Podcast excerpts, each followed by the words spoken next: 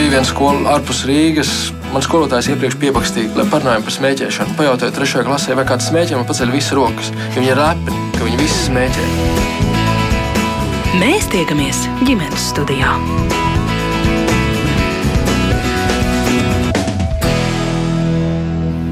Labdien, rādījums ģimenes studija sāk savu skanējumu. Jūs sveicina šī rādījuma producenta Ilza Zvaigzne un es Agnes Linka. Šogad veiktā bērnu redzes skrīninga pētījumā noskaidrots, ka tikai 53% Latvijas bērnu pirms skolas gaita uzsākšanas ir veikta it kā obligātā redzes pārbaude, savukārt vienai ceturtai daļai bērnu redzes funkcijas neatbilst normai. Ko tas nozīmē? Kāpēc tā un kādus riskus sev līdzi nes šāda statistika plašāk par to un bērnu redzes eh, problēmām? Vispār eh, saruna šodien ģimenes studijā, un tajā piedalās telefoniski ar mums eh, kopā kampaņas Redzi, Redzi, Saredzi iniciātore Marta Siliniece. Labdien, Marta!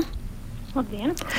Jā, studijā kopā ar mums Bērnu Kliniskās Universitātes slimnīcas acu ārste Rometa Valtere. Sveicināti! Labdien! Un arī privātās pamatskolas dūmdaris Latviešu valodas un literatūras skolotāja Laura Ražīnska. Sveicināti! Labdien! Kā laži jūs klausītāji esat laipni aicināti pievienoties mums šai sarunā, ja ir kas sakāms, jo īpaši šodien droši vien eh, jūs esat aicināti uzdot savus jautājumus arī speciālistēm.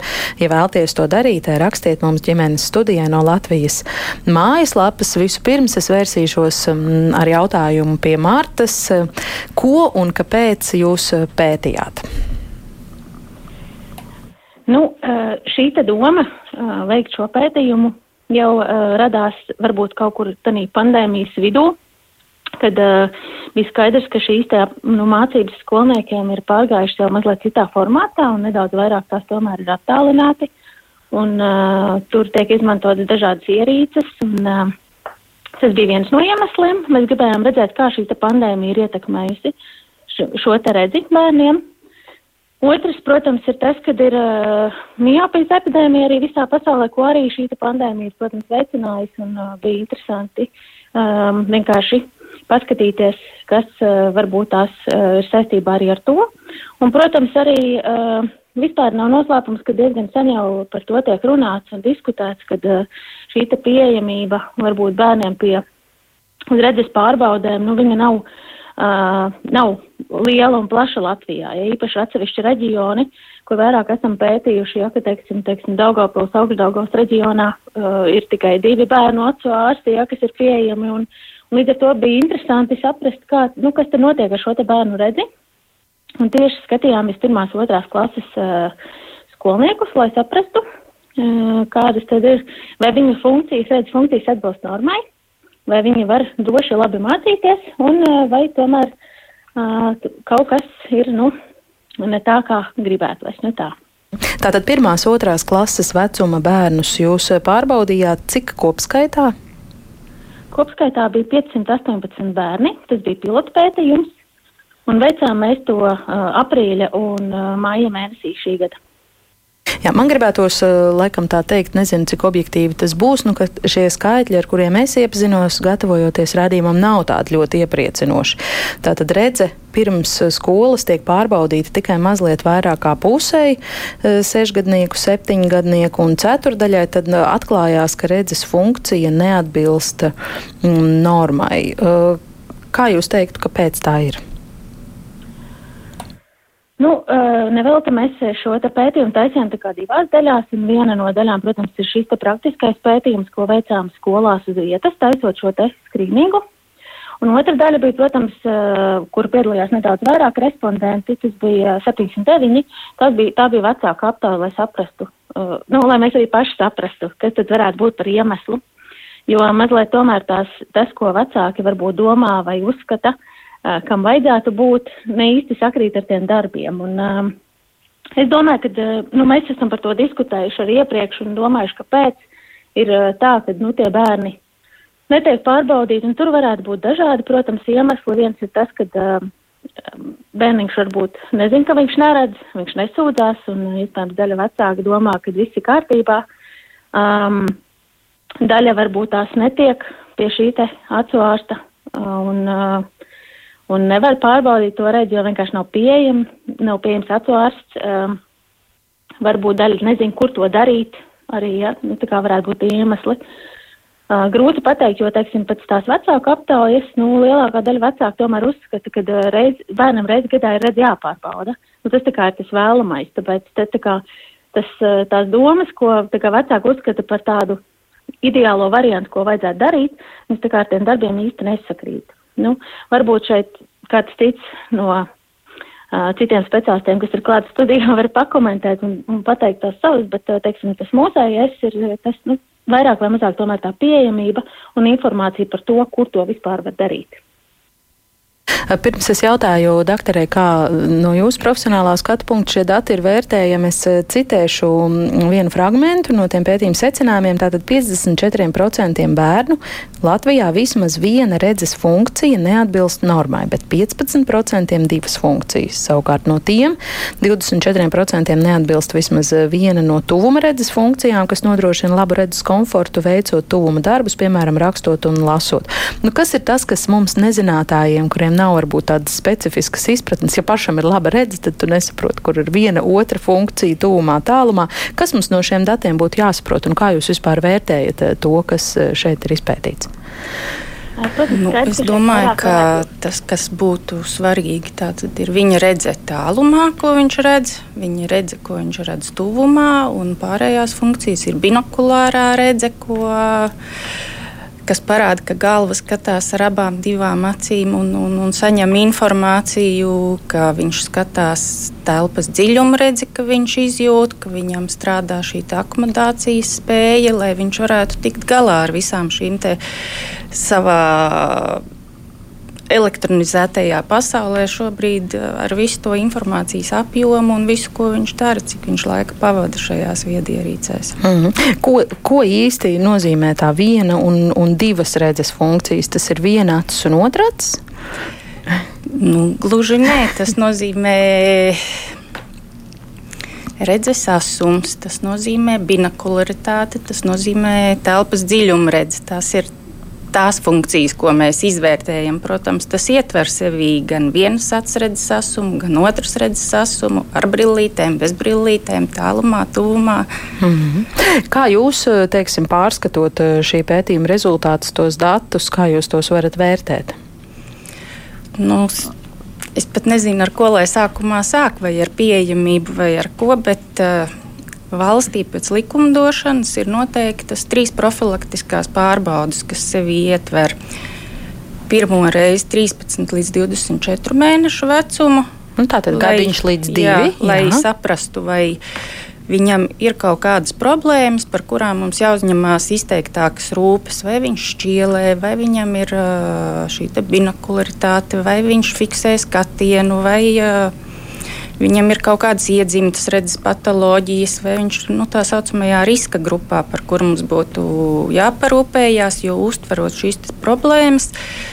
Uh, mēs varam veicināt, lai viņas attīstās pilnvērtīgi, jo bērni redzi veidojās līdz 6, 7 gadu vecumam, un tie, kas neierodās laicīgi vai kas tiek palaisti garām, nu, tad uh, 6, 7 gadu vecumā atklājās, ka viena aciņa neredz un viņa ir slinka, tad uh, tas laiks principā ir jau nu, tāds neatgriežams. Ir mm -hmm. kaut kāda iespēja par šīm profilaktiskām pārbaudēm. Tātad viens ir 13 līdz 24 mēnešu vecums, otrs ir uh, 3 līdz 4 gadu vecums, nu, 3 gadu vecums kaut kur mazliet pāri, jo tad viņam jau pašam jāsāk stāstīt, ko viņš redz.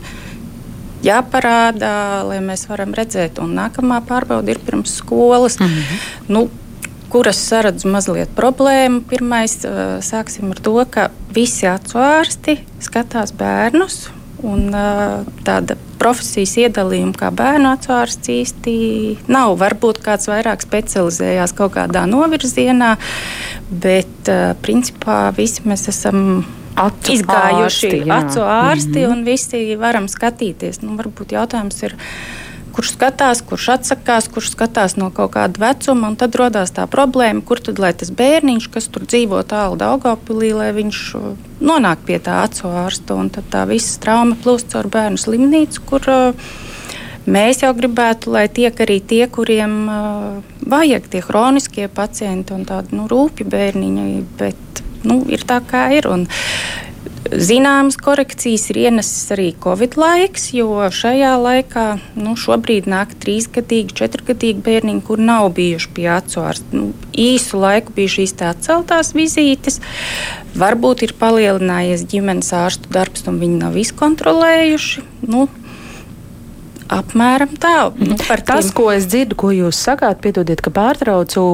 Ja pareizi saprotu, jūs uh, vēlētos, ka daudz uh, plašāk pacienti dotos uz kādām vietējām ārstniecības iestādēm un vēstu bērnus ne tikai uz bērnu slimnīcu. Jā. Ka acu ārstu pieejamība ir pietiekama, tikai vajag viņus meklēt sev tūmā, ne tikai taisīt liels rindas bērnu slimnīcā vienības katrā. Jā, jo es vakar pirms raidījuma paskatījos šo ārstu pieejamību, kas ir. Es nepateikšu tagad precīzi adresi. Nu, rinda pie ārsta, rinda pie ārsta, jā, kur var redzēt. Un, ir vietas, kur ir piecas dienas, nu, bērnu slimnīca. Tur ir, ir šis visilgākais mm -hmm, laiks. Mm -hmm. Marta, par šo, kas vēl piebilstams? Jūs sākāt kaut ko teikt, tad, kad doktori jau runāja, piedodiet. Jā, Tagad vārds jums ir. Saldināti, varbūt nejūt īsti kurā brīdī. Bet, jā, es varētu piebilst vienkārši to, ka arī, teiksim, nevelti ir arī optometrists ir primārais redzes speciālists aprūpes un līdz ar to, teiksim, šādu redzes skrīningu, lai saprastu, vai tiešām tur ir vajadzīgs ārsta konsultācija vai, teiksim, padziļināti izmeklējumi, to var veikt arī optikās pie certificētiem optometristiem, kas arī ir nu, jau medicīnas personāls, un līdz ar to, teiksim, 6-7 gadīgiem bērniem noteikti pirms skolas ir ļoti pieejams, optiku ir daudz Latvijā un, un iespēja veikt šo te bērnu redzes skrīningu ir pavisam vienkārši ātra un, un es domāju, ka pat ilgi nav jāgaida rindās, lai to varētu izdarīt. Un savukārt tad attiecīgi, ja, mēs, ja ir redzams, ka ir kaut kādas problēmas bērniņam un tiešām ir nepieciešams padziļināt, izmeklēt, tad vienmēr šie bērniņi tiek arī sūtīti pie acu ārsta. Mhm, jā. Vai šīs eh, pārbaudes bērniem, mēs zinām, ka bērniem, nu vismaz oficiāli mūsu valstī pastāv bezmaksas eh, medicīna, valsts apmaksāta medicīniskie pakalpojumi, vai uh, arī optikās un arī pie acu ārstiem ārpus bērnu slimnīcas ir iespēja izmeklēt bērna redzi bez maksas? Ko jūs Domāju, zinat par šo? Ka bērnu profilaktiskās apmak nu, apmaksātas apskates ir pieejamas katram. Mhm. Jautājums, kur viņi izvēlās iet un kāda ir tā iespēja tikt tajā brīdī. Jo vēl viena no tādām problēmām ir tas, ka seši, tie septiņi gadi tieši pirms pašas skolas viņi pēdējā brīdī attopās, nu, jā, ka vajag. Un tad ir vidū apmēram nē, viņi meklēt, augusta jā. vidū mhm. nāk trīs un četri gadnieki, kuri mm -hmm. ies dārziņā, un tad uh, jūnijas, jūlijas viņi grib tikt uz profu apskatu, bet viņiem vajadzētu jau uh, nu, tā kā mhm, īsākā mm -hmm. laikā pieiet. Bet jūs piekrītat kolēģis teiktajam, ka arī pie optometrista optikā to var izdarīt? Arī bērnu slimnīcā mums ir optometristi, kuri veic šīs te apskates, un ja viņam uh, ir kādas problēmas, viņš tiek novirzīts tālāk pie acu ārsta. Mm -hmm. Optikās ir jāmaksā, Marta, zinat par šo? Uh, optikās ir jāmaksā, protams, tas ir pakalpojums. Uh, līdz ar to, teiksim, nu, kaut kādas, teiksim, iespējams bezmaksas uh, vizītes, tas noteikti ir vairāk attiecināts tiešām uz, uz, uz, nu, uz slimnīcām, bērnu slimnīca noteikti. Bet, teiksim, ņemot vērā to pieredzi pasaulē, kas ir arī, kur, teiksim, nu, jebkuram bērnam šis primārais skrīnings un vispār primāra ap, acu aprūpe noteikts ar optikām, jo tad, teiksim, nu, šī te uh, šīs valsts kvotas vai, teiksim, apmaksātas vizītes, tā ir pilnīgi norma. Ir, teiksim, katram pienākās tā reize gadā, kad viņš var iet arī uz optiku to darīt. Tā kā mums, es domāju, tas Latvijā iespējams ir nu tikai vēl Uh, nākotnē gaidāms. Es, jā, es gribu precizēt vēl vienu lietu. Vai mēs varam šobrīd teikt, ka pirms skolas vai pirms pirms skolas uh, redzes pārbaudas bērniem Latvijā ir obligātas? Nav termins pirms skolas un uh, pirms, uh, pirms izglītības iestādes. Ir šis te termins 13, 24 mēneši, mm -hmm. 3 līdz 4 gadi un pirms skolas 6, 7, jo tie ir tie posmi, lai mēs varētu viņus pārķert. Jo tā ir vēl viena problēma, ka bērndārznieki uzsāk gaitas uh, nu, gadīgi, tad viņi iekļaujās līdz tiem diviem gadiem. Jā. Jā. Bet, ja viņš aiziet divi ar pusgados, tas nākamās vizītes mērķis ir, tad, lai viņš piedalās, ko viņš nosauc, vai viņš redz, jo arī pie labas refrakcijas, varbūt kaut kādas iespējas, ka viņš tomēr uh, nenosauc ar vienu aci to, ko viņam vajadzētu saukt. Un, uh, šī vizīte viņiem viņi atnāk, lai dabūtu savu ierakstu grāmatiņā, medicīniskajā, un uz tiem trīs, četriem gadiem viņi pazūd un neatnāk. Un mhm. varbūt kādam tomēr ir kaut kāda problēma, kas tiek palaista garām. Nu jā, jo tas āķis, ka šī informācija par redzes pārbaudi ir jāieraksta pirms skolas vai skolas eh, medicīnas kartē. Skolotāja šeit klātesošā Laura Režīnska māja ar galvu.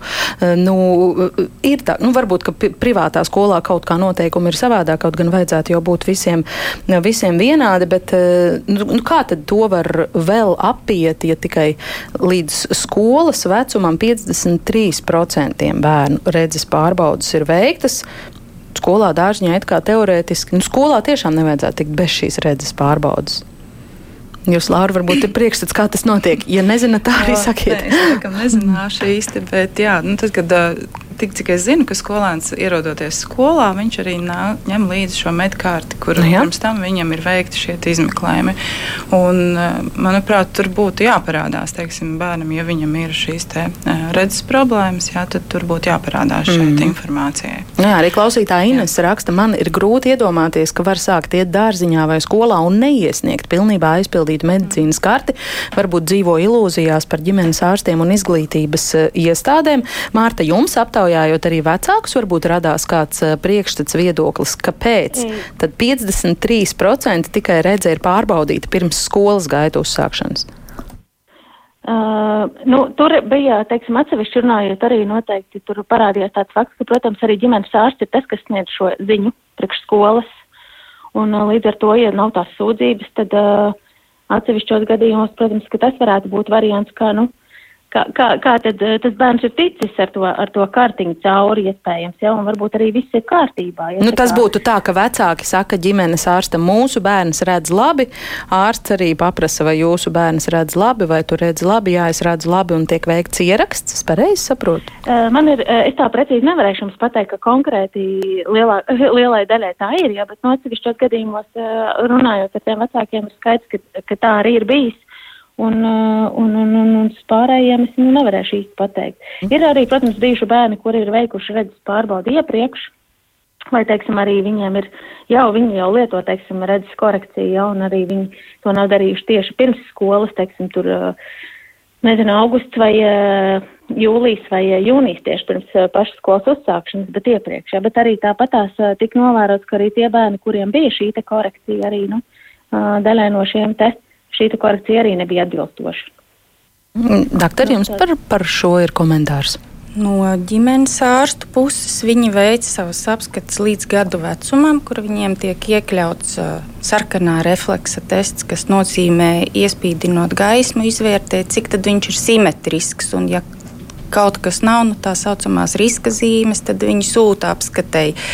Visi tā mūsu apskati mēs vienmēr rakstām savu informāciju ģimenes ārstam par gadu, par trījiem, četriem gadiem, kad tad bērniņam būtu jānāk, jārādās. Ja ir izpildīta šī gada un trīs gadu apskate un pirms skolas viņš netiek, ģimenes ārstam ir arī šī redzes tabuliņa kaba, eh, kabinetā, un ja viņam pārbauda redzi ar vienu, ar otru aci, un viņa atbilst, tad es pieļauju, ka ģimenes ārsts arī ieraksta savu slēdzienu ar norunu. Jums tomēr ir jāparādās acu mm. ārstam, lai izvērtētu, jo mēs nevienmēr zinām, kā notiek šī pārbaude. Vai viņam ir pielikta roka tā, ka viņš skatās ar abām divām acīm, vai vēl kaut kā, vai viņš piegriezis galvu mm. un arī tā mazā šķirbiņa, kas paliek nepiesadzot acīm otru. Tā uzrāda labu redzes asumu, kaut arī tā nav. Tā arī mm -hmm. var būt. Un tas būtu tas skaidrojums, tad, kāpēc tie 47% pirms skolas bērniem redze nav baudīta. Es domāju, ka nu, tā nevajadzētu būt. Mm -hmm. nu, jā. ka vai nu tas ir kaut kāds vecāku nespēja tikt, vai tas nav bijis laicīgi un tas ir pēdējā brīža, jo principā. Nu, Bet teorētiski ir... skola taču nevarētu pieņemt bērnu, kuram nav medicīniskajā kartē šī redzes izziņa. Jā. Es domāju, ka jā, ja redzes funkcijas ir atbildušas trijos, četros mēnešos, eh, es atvainojos, trijos, četros mhm. gados, tad uh, mēs jau ierakstām pirms skolas. Bet parasti, ja ir kaut kāda riska grupa, nu, es vecākiem jau stāstu, ka jums ir obligāti jāpārbauda pirms skolas. Varbūt pat viņam ātrāk jāpārbauda, bet to viņam atsvērsts pasaka, kad viņam jāparādās. Ir, ka kaut kādai daļai tas būtu bijis jāuzdod šajā pētījumā. Nākamā jāiekļauj jautājums, kāpēc jūsu bērns nav veicis šo apskati. Vai tā ir nespēja tikt pie speciālista, vai tas ir bijis kaut kāda pēdējā brīža informācija, vai tas nav bijis informācija no ģimenes ārsta vai vecāks nav zinājis. Jo lielāko daļu nu, tie, kas ir trīsgadnieki, četrgadnieki, jau viņiem saka, jums jāparādās ir laicīgi. Tas nenotiek, tas nav tā, ka tikai tad, kad jums izsniedz šo medicīnisko grāmatiņu, jūs varat nākt. Mēs uzrakstām savu elektronisko vai rokrakstā rakstīto informāciju mm -hmm. un dodam -hmm. informāciju. Jā. Marta, jūsu koordinētajā šajā pilotu pētījumā tika veikts, kā jau jūs sākumā minējāt, ne tikai redzes pārbaudas bērniem, bet arī šī vecāku aptauja, lai noskaidrotu, cik pilnīgas ir mūsu zināšanas un izpratne par bērnu redzes veselības jautājumiem. Varbūt jūs varat ieskicēt vēl, ko tā atklāja, nu, piemēram, Trešdaļa vecāku, jeb 34% uzskata, ka, ja bērnam būs redzes problēmas, viņš par tām pateiks eh, pats. Cik patiesa ir šī pārliecība?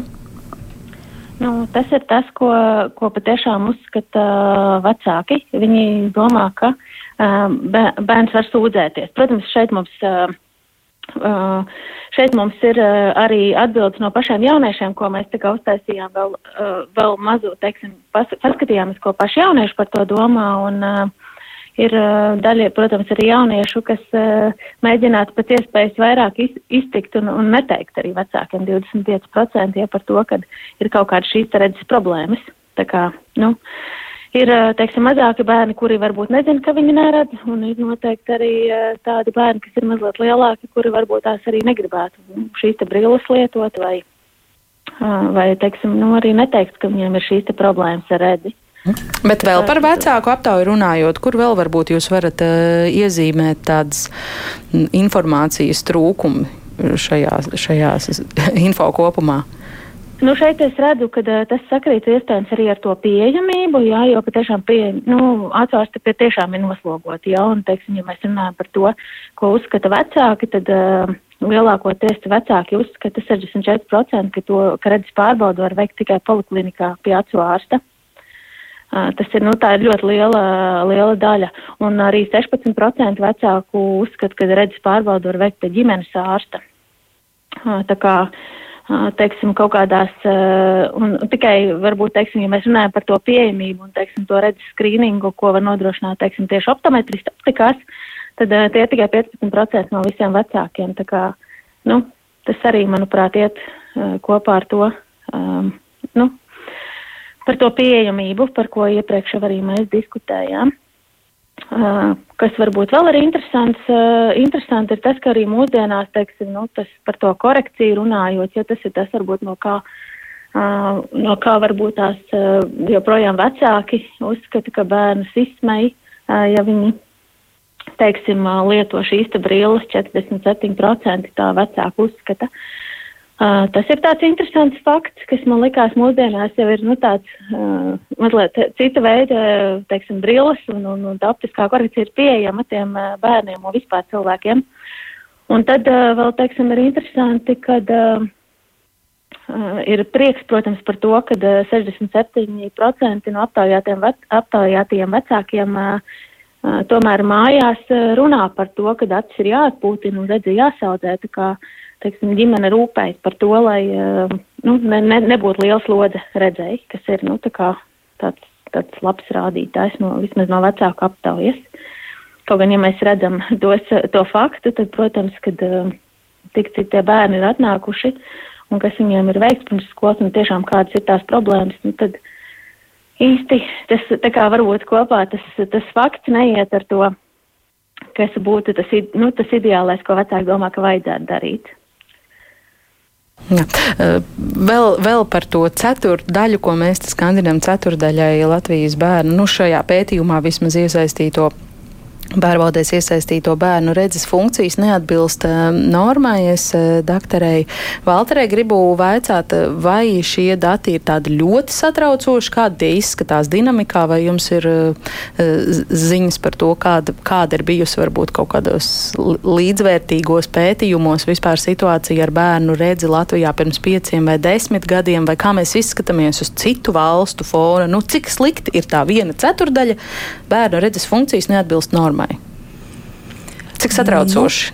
Man ir grūti komentēt šo, jo tas ir diezgan mazs respondentu skaits un, un tādu kopēju pētījumu valstisku mums nav. Kādreiz mums bija uzskaita pagājušā gadsimtā, gan jāpiemina, Jā. bet bija uzskaita, cik tad bērniem ir redzes problēmas. Tas viss tika savādāk risināts. Bet, bet šobrīd, šobrīd dati netiek daudz, vākti tikai šādas nu, iniciatīvas. Dati ir katram, katram personīgi, ko viņš apskata, cik viņš apskata, kam ir bijuši bijuši kādi redzes traucējumi, bet es nemāku pateikt, vai tas tiek apkopots tādā mm. kopīgā. Varbūt tas ir jāveic kaut kāds retrospektīvs pētījums. Mēs esam skatījušies, bet šobrīd es nevaru jums pateikt mm. nevienu konkrētu skaitli, piemēram. Bet, eh, Respektīvi, mēs nezinām, vai paliek sliktāk.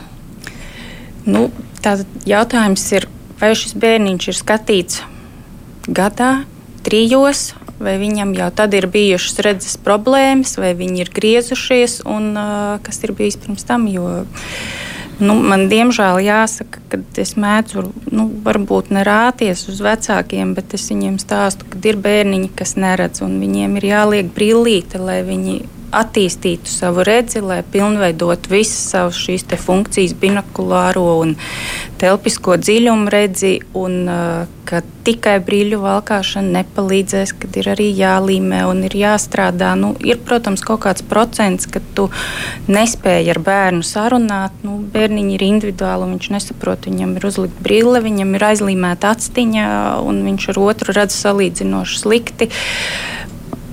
Viņš raud. Nu, bet ir kaut kāds kopsakars jāsavalk, tajā brīdī, kad viņi atnāk, piemēram, 10 gados, 14, pasakot, es ar to vienu aci redzu sliktu, vai es varu redzēt labi nu, jāsaka, laiks ir nokavēts, un vēl ir stereotipisks tāds uh, vecākiem. Nu, viņš izaugs, viņš uztaisīs lāzeru pareizi, bet ja viņš nav iemācījis savu galvu skatīties, un viņam ir šī ambliopija, slinkāts, tad uh, ne lāzers nekas viņam nevar uzlabot. Un, diemžēl jāsaka, ka notiek arī acu traumas, un tajā brīdī tu paliec ar to, ko tu esi palīdzējis savam bērnam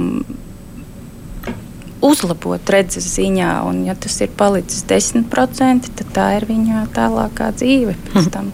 Kā, nu, dažreiz jūs, tas ir skumīgi. Jā, šeit jūs pasvītrojat to, ka ir ļoti būtiski gada, trīs un sešu gadu vecumā veikt obligātās redzes pārbaudes. Jā. Lai tas būtu optometrists, kurš sešos skatās, ja būs problēma, viņš liks iet pie acu ārsta. Nu, gadīgos neskatīsies. Uh, Un jāsaka, arī daudz vecāki to nedara. Bet, nu, tā tas ir. Es domāju, tur arī ir kaut kāda daļēji problēma, mm -hmm. kāpēc viņi negrib skatīties. Jo tas tomēr ir sarežģīti, bet tas viss ir iespējams un izdarāms, un visi mēs to esam mācījušies. Mm.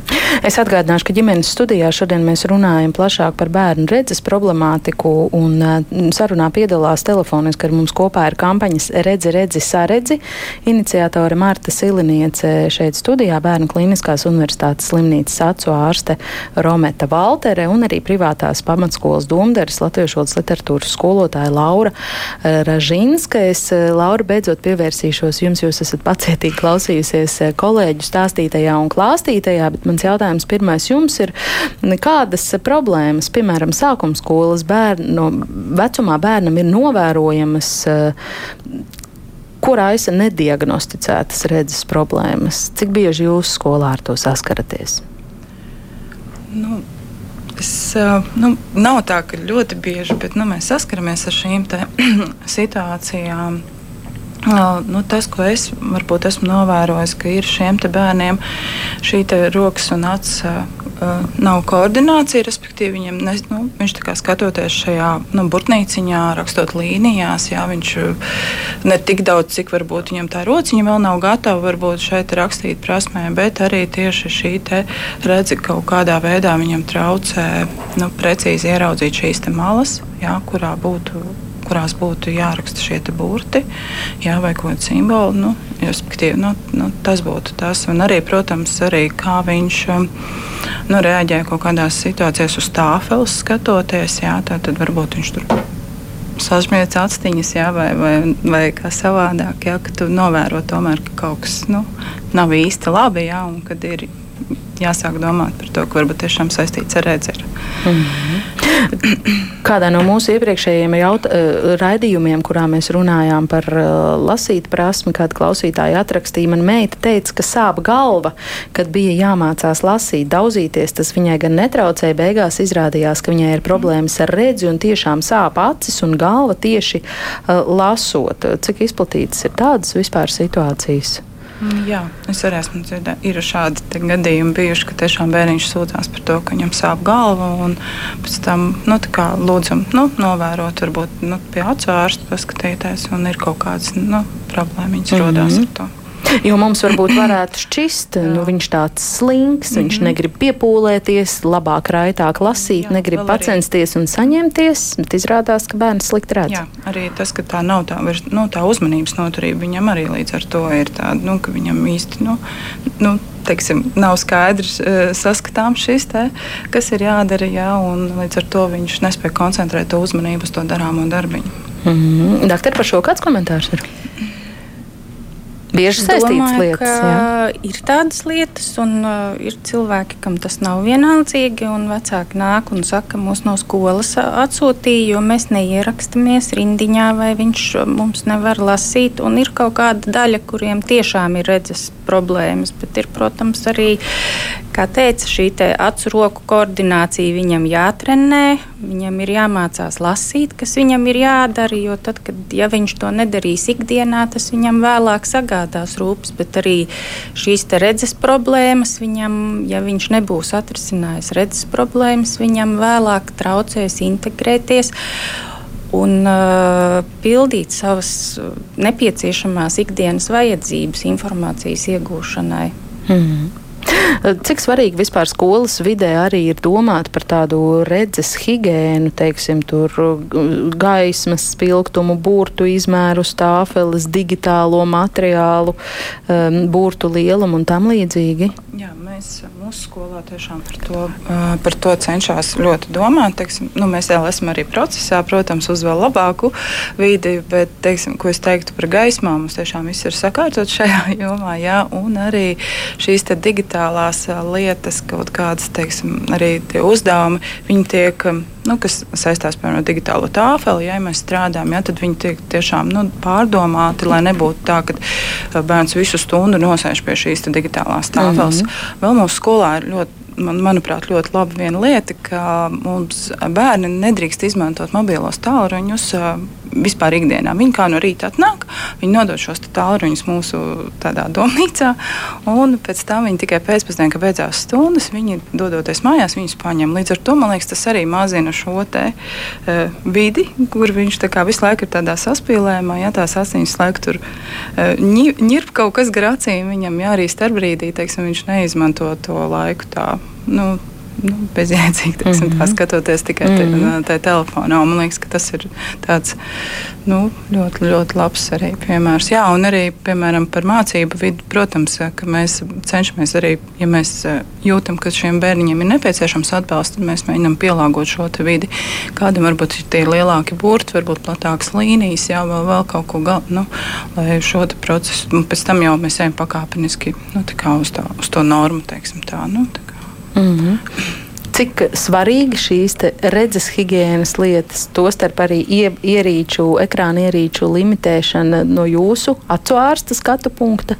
Es teiktu, ka tas ir ļoti svarīgi, jo, ja mēs paskatāmies, tad uh, visa dzīve norit ekrānos, un uh, bieži atnāk vecāki un saka, jā, mans bērns redz slikti, viņam tik daudz jāmācās un tik daudz mājas darbi, un tagad bija covid, un viss ir jādara, un tad es uzdod jautājumu. Un, uh, cik viņš laika pavadīja mācoties un cik laika viņš pavadīja šajās viedierīcēs bez uzraudzības, jo šis Covid laiks kaut kādā mērā dažiem palielināja šo tālredzības uh, problēmu, kas kad viņi ar savu refrakciju, jeb staru laušanu varētu tikt galā tīri labi, un viņiem ne brīvīte, nekas nav vajadzīgs, tikai redzes režīms un sekotam līdzi.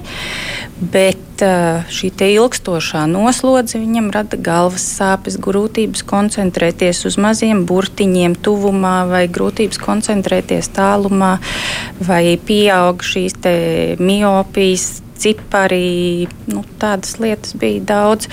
Tā redzes higiēna ir ļoti svarīga, un mums arī jāpadomā, cik daudz mēs paši to darām vai mēs mācām to bērniem un kādu priekšzīmju mēs viņiem rādām. Mm -hmm. Bet tādas uh, pozīcijas kā šī apgaismojums telpā, burtu izmēri uz tāfeles, nezinu, tie paši kaut vai drukātie materiāli vai digitālie materiāli un tur burtu izmērs. Tās arī ir lietas, par kurām mums būtu varbūt jādomā skolas ikdienas kontekstā. Es teiktu, ka jā, jo, piemēram, daudziem bērniem ir brillītes. Daļa uzliekot brilles redz ļoti labi, daļām brilles ir tikai, lai viņiem atvieglotu mācīšanās procesu un šo spēju tikt galā ar paaugstināto slodzi tuvumā, bet ir arī bērniņi, kas uh, neredz ar visu brillīti, kuriem ir zema redze. Un tad ir nozīme šim kontrastam. Burtu izmēram, burtu attālumam vienam no otra. Tam visam ir nozīme. Un, ja nebūs šī redzes higiēna, uh, tad uh, tas tikai palielinās šīs redzes problēmas. Mm. Bet tādu vienotu vadlīniju mums ir valstī par to, kā katrā skolā, klasē tam vajadzētu būt sakārtotam, kā, nezinu, tur drukāt, printēt materiālus, cik lieliem maziem burtiem, tā lai visiem bērniem tas tiešām būtu viņu redzēji labvēlīgi, vai uz to vēl ejam? Vai vispār par to varbūt nedomājam? Es nezinu. Ja ir redzes problēmas bērniņiem, tad mums ir redzes pedagogs. Ligita ģēde, kas viņus konsultē un raksta savas vadlīnijas skolai. Nu, tie ir jau ir tādi specifiskāki mm. bērniņi. Bet tas ir viens tāds speciālists uz visu Latviju? Vai, vai tas ir bērnu slimnīcā? Tas viens, ir bērnu slimnīcā, un tas, viņi strādā arī šajā Strasdmuļas skolā. Mm -hmm. ja, arī iespēja ir tur piekļūt pie viņiem, ja ir kaut kāda nepieciešamība. Mm. Bet eh, nu, tādas vadlīnijas ir tā saucamās rekomendācijas, ka mēs neiesakām bērniem līdz divu gadu vecumam dot telefonu. Nu, labi, saziņa ar romiņu telefonā vēl kaut kas. Jā.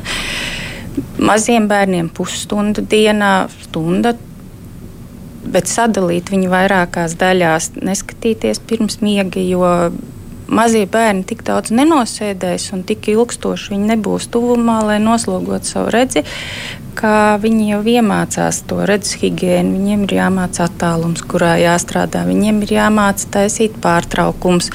Viņiem ir jāmācās iziet svaigā gaisā, un viņiem gal galā ir jāmācās citas prasmes. Nevis jāsēž telefonā, bet jāveido komunikācija ar cilvēkiem. Mm. Jāmācās kopā ar uh, vecākiem iziet brīvā dabā jāliek LEGO, jāliek lucīšu puzles un, un, un cita tā sava lieta jādara, lai viņi pēc tam būtu spējīgāki integrēties, jo savādāk viņiem mm -hmm. visa dzīve ir tur tūmā. Mhm.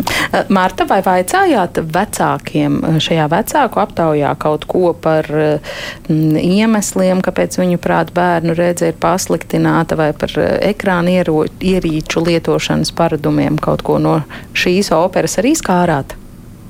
Jā, mēs pieskārāmies. Mēs gan mm, ne, pajautājām par to, cik daudz nu, vecāki zina, kad uh, bērni pavada šo laiku pie digitālām ierīcēm. Un, Un tad, teiksim, nu, tie 6-7 gadīgie bērni līdz stundai aptuveni 20% vecāki saka, ka bērns pavada aptuveni līdz stundai laiku. Lielākā daļa, 34%, ir uh, līdz divām, no, no vienas līdz divām stundām, uh, tad ir no divām līdz trim 24%, un tad um, apakšējā daļā paliek tā, teiksim, no 3, stund, no 3 līdz 5 stundām, tur aptuveni nepilni 20% un ir 4% vecāki, kas vispār nezina, cik bērns pavada.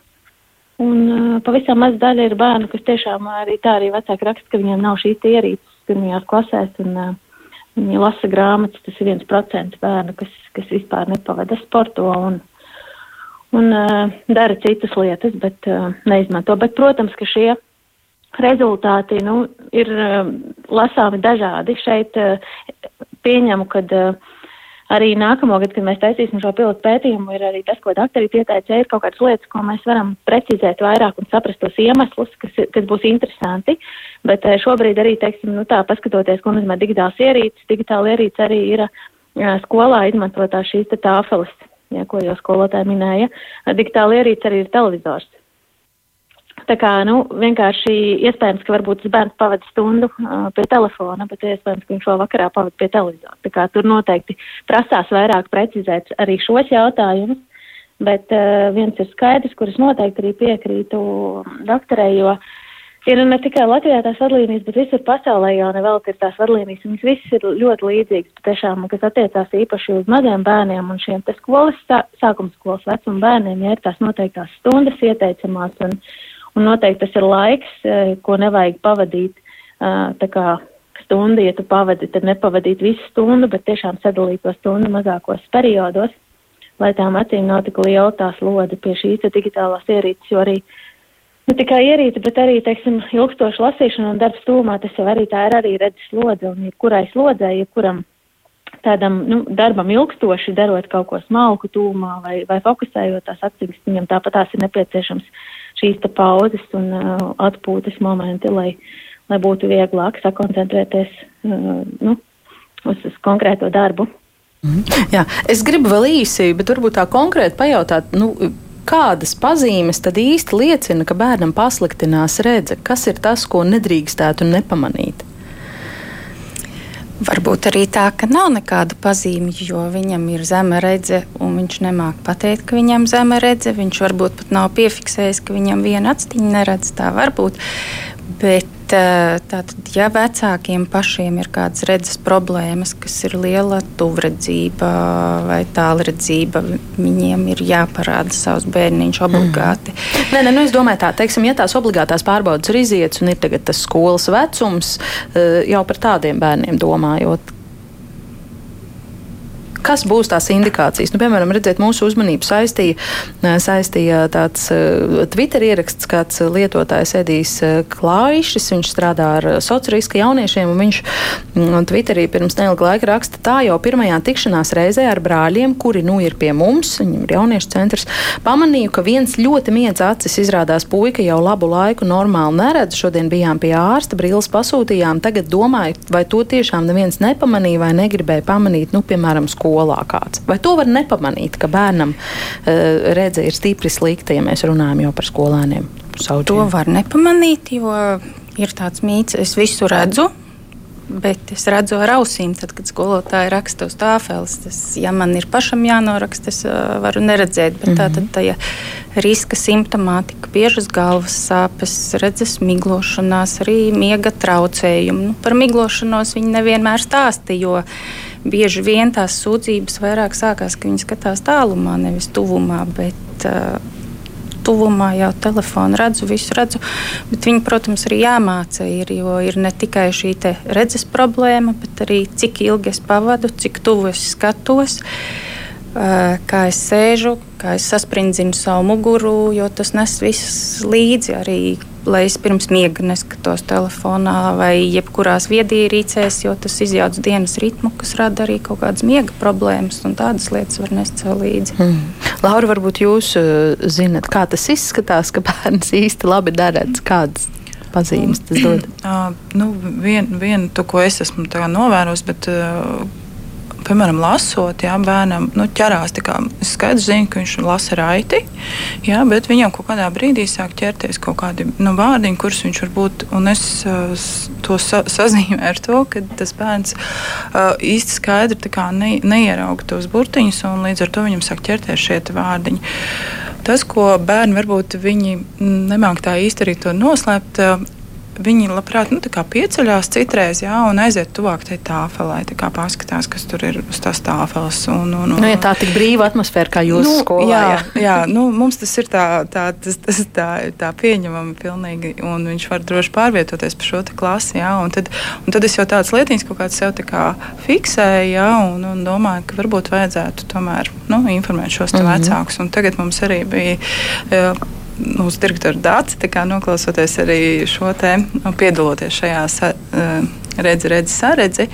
Uh, informācijas nodošanas, tā kā mēs nodevām vecākiem šo informāciju, lai viņi tomēr padomā, varbūt nu, aizved savus bērnus nu, pie acu ārstiem mm. un nosūtījām kopēju tādu ēpastu, lai vēl to redz, nu, palīdzētu viņam, ja nu gadījumā kādam kaut kas tomēr atklājās.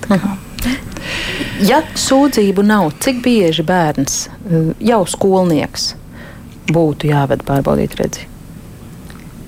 Ja mēs skatāmies 6, 7 gados, mums ir kaut kāda grupa, kurai mēs rekomendējam, jums vajadzētu tādā, tādā vecumā tomēr uzmanīt un, un atvest. Vai nu tas notiek skrīnings pie optometrista, vai tas ir pie ģimenes ārsta kabinetā. Eh, nu, reizi divos gados Mm -hmm. Apmēram. Mm -hmm. Daži klausītāji jautājumu noslēgumā pievērsīsimies arī tiem, arī kad komentāri klausītāji no Daugopils raksta par Daugopils acu ārstu. Manuprāt, ar to tur gan nav nekādu problēmu. Pie ārsta var tikt bez maz vai rīt. Rīgā ir rinda ap diviem mēnešiem, tā viņa uh, saka ka Gundaga vaicā, kāpēc bērniem valsts apmaksātās brilles, kuras var iegādāties eh, blakus Bērnu kliniskās universitātes slimnīcā veikalā, ir nesalīdzināmi dārgākas kā tādas pašas brilles citā veikalā pērkot par saviem līdzekļiem. Kāpēc ir sadārdzināti valsts apmaksātie palīgi līdzekļi tādējādi nenodrošinot lielāka skaita līdzekļus eh, bērniem? Par šo ir.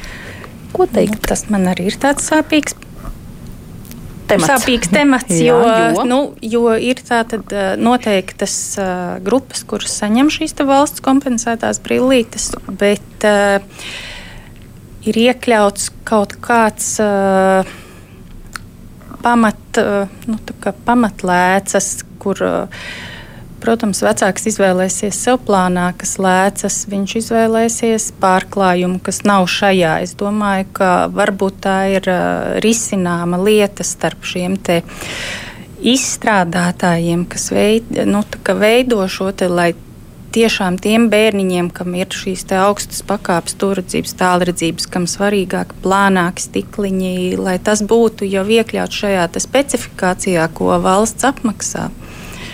Tāda tā lieta. Un, uh, dažreiz, diemžēl, man jāsaka, ka tā ir, ka šī brillīte sanāk dārgāka nekā varbūt citur viņu nopērkot. Mm -hmm. Jo rāmītis varbūt viņiem tāds nepatīk. Stikliņus vajag plānākus, labākus, un tad rezultātā tā summa dažreiz ir uh, atšķirīga. Mēs, Mēs rekomendējam šīs brilles, bet mēs nezinām, cik piemēram viņš par viņām samaksā vai cik nu, ko viņš ir izvēlējies. Jo, ja viņš neizvēlās neko klāt, ar kurām viņš arī redzēs, bet, protams, liekot šos plānākos stikliņus vispārējo, viņam brillīte ir smukāka, viņam viņa ir vieglāka, bet ne tas nevienmēr ir iekļauts šajā valsts kompensācijā. Mm -hmm. Evita vaicā, jaunietei ir 15 gadi, līdz šim brīlis nav bijušas, bet nu pats šķiet, ka vajadzēs, vai šajā vecumā jauniešiem vēl tiek kaut kas apmaksāts no valsts puses. Līdz 18 gadu vecumam bērniem ir valsts apmaksātas vizītes. Ja ir virs 18 gadu vecuma, tad ir šī pacienta iemaksa. Mm. 427. Jā, Jānis uh, mudina mūs izstāstīt par nakts lēcām bērniem, kas, viņuprāt, ir ideāls risinājums skolas laikā. Nav jāvalkā brilles un laba redze visas dienas garumā. Kas šis ir par risinājumu un kā vērtējat? Es domāju, ka tas ir labs risinājums, bet uh, ir atkal jāizvērtē šīs vecāku maksātspēju, jo tas ir salīdzinoši dārgs pasākums. Tas ir viņa laiks, jo ir vajadzīgas ļoti regulāras pārbaudes, bet ir pētījumi, kas apstiprina, ka mazāk progresē. Un, bet, protams, vienmēr jau visu var apstrīdēt, jo nu, tie, kas valkā nakts lēcas, viņiem neprogresē tā, bet mēs nekad nezinām tos faktorus, cik ilgi kurš pavada laiku, cik tuvu viņš skatās, cik Pie viņš iziet ja? dienas -hmm. gaismā, saulē pavada brīvo laiku. Nu, tādas lietas, ko mēs šajos pētījumos nevaram iekļaut un salīdzināt dinamikā, bet ja mēs redzam, ka tiešām ļoti progresē un uh, ir risks veidoties augstas pakāpes, vai viņš ir sportists, kad viņam ir vajadzīga šī aktivitāte. Tas ir ļoti labs risinājums. Mm -hmm. Un visbeidzot, Ivetas jautājums, kā acu ārste vērtē ekrāna brīļu lietošanu bērniem? Skaidrs, ka ierīces skatās visi un skatās par daudz, bet vai zilās gaismas brilles palīdz? Es domāju, ka palīdz, bet atkal jautājums ir, cik šis bērns pavada šo laiku viedierīcēs. Ja viņam būtu šīs divas, trīs, varbūt četras stundas, tas nevienmēr ir tik būtiski kā datorlietotājiem, kurš sēdēs, bet tam, protams, ir nozīme. Mhm. Tātad pie datora sēžot šādas brilles būtu ieteicams lietot arī bērniem? Pusauģiem pusauģiem. Pusauģiem es teiktu, bet uh, tas komentārs man, uh, es viņiem saku, nu, ja ir redzes problēmas, un ja visu dienu tu sēdi datorā, vai tev sāp kāja, un tev ir kruķītis, un tu ej uz balli un visu nakti danco, nevienmēr tas kruķītis tev palīdz, jo tikai pārklājums vien nebūs nekāds brīnumlīdzeklis. Ir jābūt šī redzes ergonomikai un redzes higiēnai. Mm -hmm. Tomēr teikt, ka tādas nav vajadzīgas, nesakāt. Ne. Mm -hmm. Nā, nu, visbeidzot, eh, saruna gandrīz pienākusi izskaņai. Gribu vēl uh, Mārtai Laurai vaicāt, vai ir kaut kas, ko vēl gribētos piebilst uh, šī temata sakarā. Laura, varbūt jūs? Īsti nezinu, bet uh, nu jā, ka vajadzētu tomēr pirms tās skolas varbūt tiešām pievērst lielāku uzmanību un vecākiem aiziet pie šī atsvārs, pārliecināties. Jo tad arī bērniņam tajā skolā būs daudz vienkāršāk un vieglāk. Un līdz ar to mēs jau arī sniegsim viņam nepieciešamo atbalstu. Un ka nevajag baidīties no tā, ka kāds izsmies vai vēl kaut ko. Patiesībā bērni ir ļoti pieņemoši. Un un es uzskatu, ka brīlis jau mūsdienās vairs nav jā, nekas, nav nekas tāds. Mm. Jā, un tas ir tikai atvieglos bērnam mācību procesu procesu, un tas būs tikai mm pozitīvi. Jā, tāds, jā. tā tas droši vien ir. Jā, jo arī šeit kāds mm. Twitter lietotājs raksta, viss atkarīgs no skolas. Man skolā gāja meitene, kura nesāja brilles. Tāpat slikti redzēja, un visi skolotāji vienmēr paprasīja, vai viņi redz prezentācijas tekstu un vai nevajag palielināt burtus normāli. Tā vajadzētu būt, īsi. Man ir uh, viena piebilde, ka bērnu slimnīca ir iztaisījusi ļoti skaistu projektu, veselu pasauli, kur ir arī informācija par bērnu redzību iekšā mm. un arī par dažiem pētījumiem. Un, Šo arī var, to var skatīties. Vesela pasaule. Vesela pasaule. Jā. Marta, nākamgad tiekamies uz sarunu pēc jūsu nākamā pētījuma. Būs jau ar ko salīdzināt? Ja? Noteikti būs ko salīdzināt. Jā, es tikai ātri gribēju jums piebilst vienu lietu par uh, zilajām brillēm tieši no fizikas. Ļoti īsi, jā. Pierādīts, jā, ka uh, šī te, nu, šis te pats pārklājums tiešām kā doktora teica, neko nedos. Labāk ir uh, ergonomika skatīties un skatīties patiešām, ja ir nepieciešama korekcija, tad labāk tā korekcija dos un mazāk būs nogurums nekā šīs zilās brilles. Jā, brīnum līdzekļu nav, protams.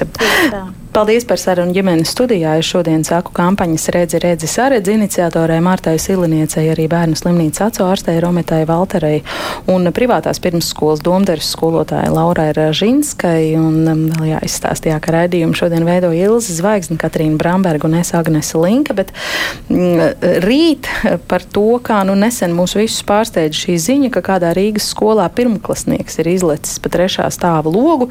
Protams, savainojies, kāpēc tā notika tās versijas tur ir dažādas, gan oficiālas, gan netik ļoti oficiālas, bet rīt rādījumā mēs gribam runāt par to, kā tad mācīt bērnam rīcību dažādās krīzes situācijās, viņus nesabiedējot un neprovocējot uz neadekvātiem gājieniem, tomēr arī iespējams sagatavot dažādiem dzīves scenārijiem. Klausieties to ģimenes studijā rīt no diviem līdz trījiem uz sadzirdēšanos.